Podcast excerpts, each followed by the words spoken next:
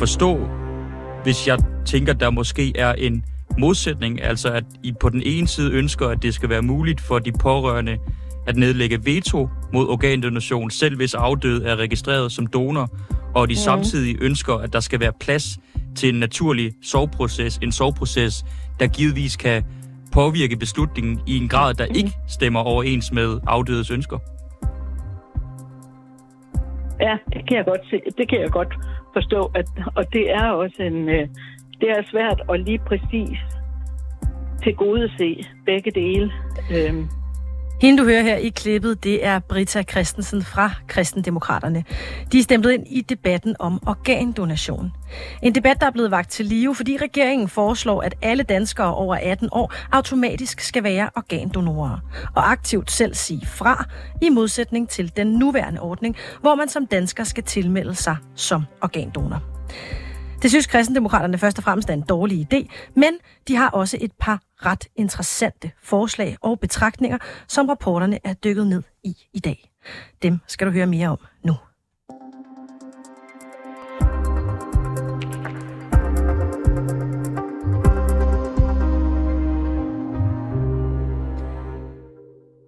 Lægger stor vægt på, at de pårørende er informeret og har mulighed for at udtrykke deres vilje i disse svære situationer, hvilket inkluderer retten til at nedlægge veto mod organdonation, selv hvis den afdøde er registreret som donor.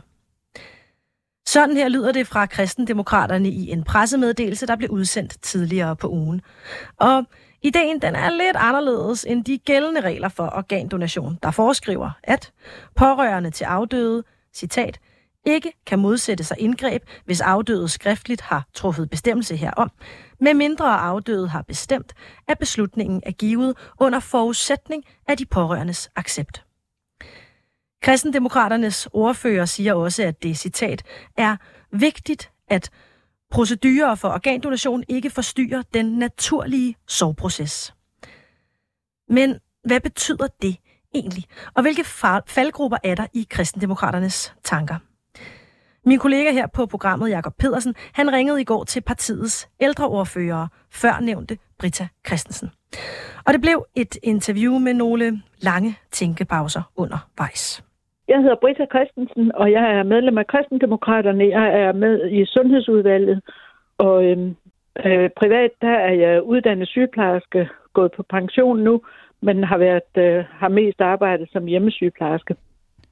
Og Kristendemokraternes holdning til regeringens forslag om en aktiv fravalgsordning, altså at man automatisk er organdonor, og skal sige fra, hvis man ikke ønsker at være det.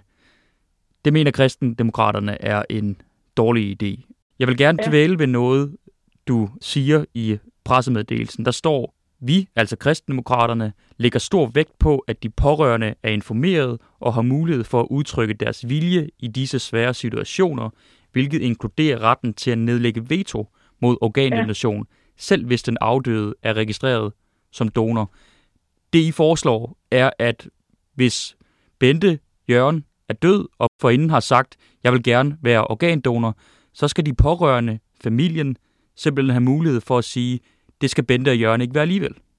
Mm. Hvorfor?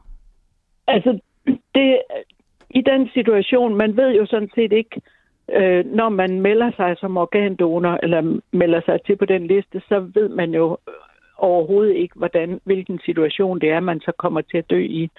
Øh, og man kan sige, noget af det, der snakkes meget om, det er, at man, øh, at man har brug for flere organer, men selvom, selvom det her bliver indført, så får man jo ikke nødvendigvis flere organer, fordi det kræver stadigvæk, at man dør på en måde, så organerne kan bruges. Øh, og en af de ting, som gør, at, at det faktisk er et rigtig svært spørgsmål, det er, øh, muligheden for de pårørende, fordi det vil jo netop være i en meget akut situation. Øh, man skal tage stilling til det, hvor man er i dyb sorg og skal tage, tage afsked, og det kan man så ikke gøre stille og roligt ved at sidde og holde den døende i hånden, som man kan, øh, hvis, hvis man bare dør, hvis man kan sige det på den måde. Øh, der skal man, altså der vil den øh, proces vil blive afbrudt, og så når vedkommende så er død, og organerne er taget ud, så har man jo mulighed for at tage, tage afsked igen der. Men det er en svær situation for pårørende at stå i. Og det er jo også en mulighed, når man tilmelder sig donorregistret, at man kan, selvom man giver fuld tilladelse eller begrænset tilladelse, så er, øh, skal man, kan man stadigvæk sætte kryds i, i, øh, i det felt om, at pårørende øh, skal også kunne tage stilling. Men lad os lege med det scenarie, at nu kalder vi dem Bente og Jørgen, det kunne være hvem som helst, at de har ja. sagt, jeg vil meget gerne donere mine organer, når jeg er død. Så ønsker I alligevel, at de pårørende skal kunne nedlægge veto mod den beslutning, som den nu afdøde har truffet. Er det specielt liberalt? Jeg ved ikke, om det er liberalt eller hvad, eller hvad det er sådan politisk set, men om det er øhm, altså om det er så lad mig spørge, om, om det er etisk forsvarligt. Altså, skal den enkelte ikke have lov til at, at træffe beslutningen selv og få sin vilje efterkommet? Det kan man, det kan man godt sige, og det, derfor er det også vigtigt, at de, øh, at de pårørende, at man informerer sine pårørende og taler med pårørende om, hvad man har, hvad man har valgt.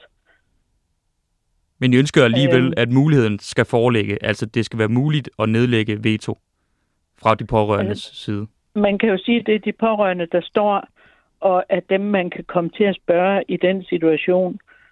Øh, og det er de pårørende, der skal leve videre, uanset hvad. Men jeg, jeg medgiver, at det er, det er et, øh, et svært spørgsmål, det der. Du siger også i øh, pressemeddelelsen følgende, Vores tilgang til organdonation er præget af respekt for menneskelivets værdighed og en anerkendelse af, at afgørelser om organdonation falder på et tidspunkt, hvor familier står over for tab og sorg. Det er vigtigt, ja. at procedurer for organdonation ikke forstyrrer den naturlige sorgproces. Ja. Du har og været det, lidt inde på det. Prøv lige at forklare det, mig, hvad det går ud på. Jamen, det går ud på, at på det tidspunkt, øhm, det, det har jo været sådan fra, fra det blev muligt, altså fra hjernedødskriteriet blev indført for en del år siden, der har det jo været sådan, at personen skal være erklæret hjernedød, og så, øhm, og så kan man, når, når man så er erklæret hjernedød, at så kan organerne udtages, øh, mens man, altså der tager man så pårørende tager, kan tage afsked, men stadigvæk med en person, der er varm, og hvor hjertet slår, og, og der er puls. Og så, øhm, når organerne så er udtaget, så kan man, har man så mulighed for at, at tage afsked igen. Øh, så er der indført det, der kaldes cirkulatorisk øh, øh, dødskriterium, hvor, øh, som er indført for et års tid siden, så vidt jeg kunne forstå øh, med at man faktisk også kan, når det er hjertet, altså at, hjernen, at man ikke nødvendigvis er hjernedød, men at det er hjertedød. Og, og der vil man så sætte hjertet i gang igen for at bevare organerne. Og, og det er det, der kan være en, en lidt svær proces at stå i som pårørende.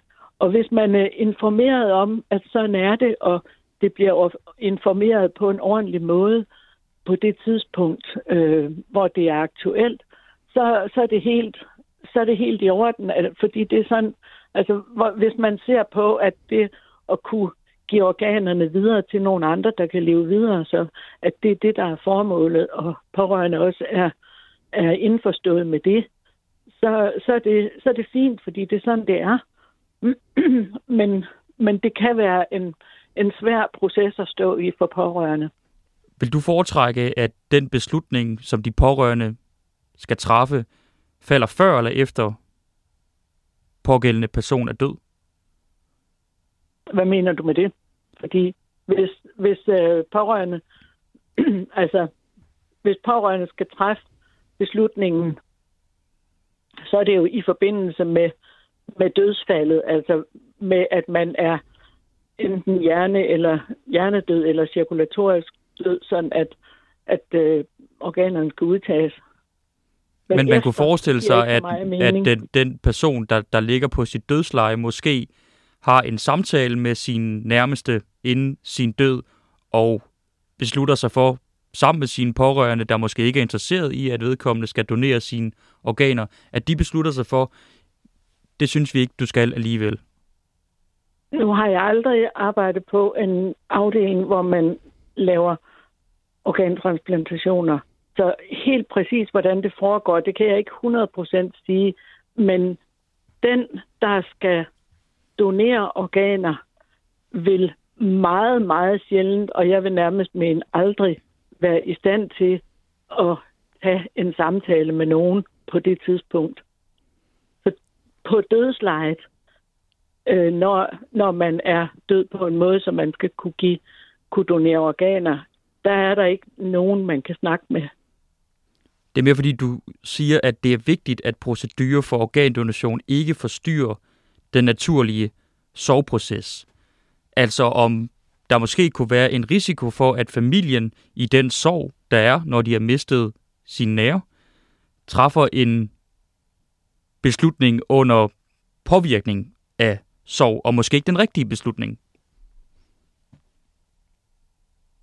Ja, det, det kan der altså der kan jo altid være en risiko for, at man ikke træffer en helt velovervejet beslutning, når man er i krise.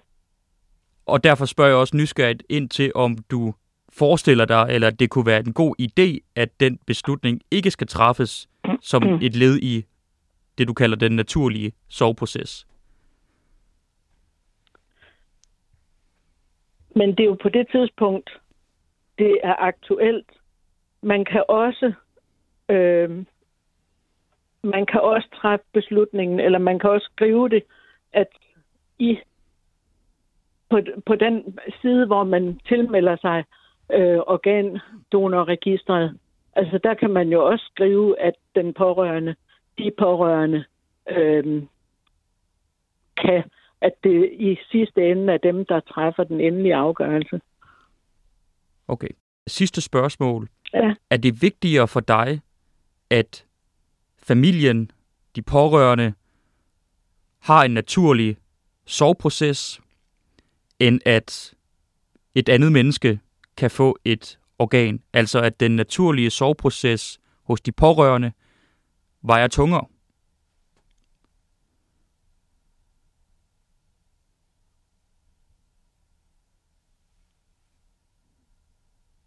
Altså, jeg synes ikke nødvendigvis, at det er en modsætning. Det er jo, det er jo spørgsmålet om, hvordan, hvordan man har den samtale, øh, både om, om den, øh, om vedkommende har informeret pårørende i forvejen om, hvad man har, øh, hvad man har besluttet, og så er det jo også meget vigtigt med, med den samtale, der foregår.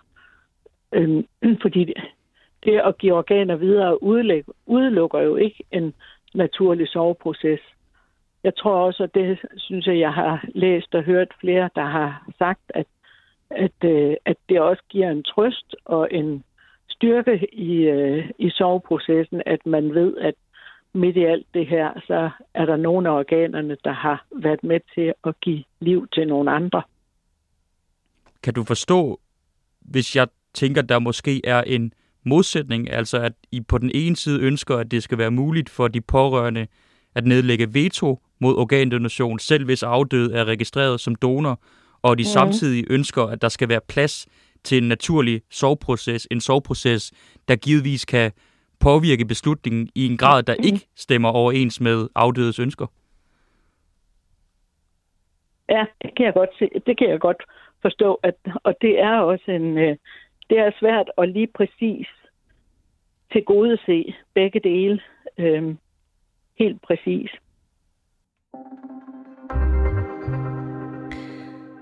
Indslaget her, det var tilrettelagt af Jakob Pedersen. Mit navn, det er Majlinda Urban Kutschi, og programmets redaktør, hun hedder Mille Ørsted.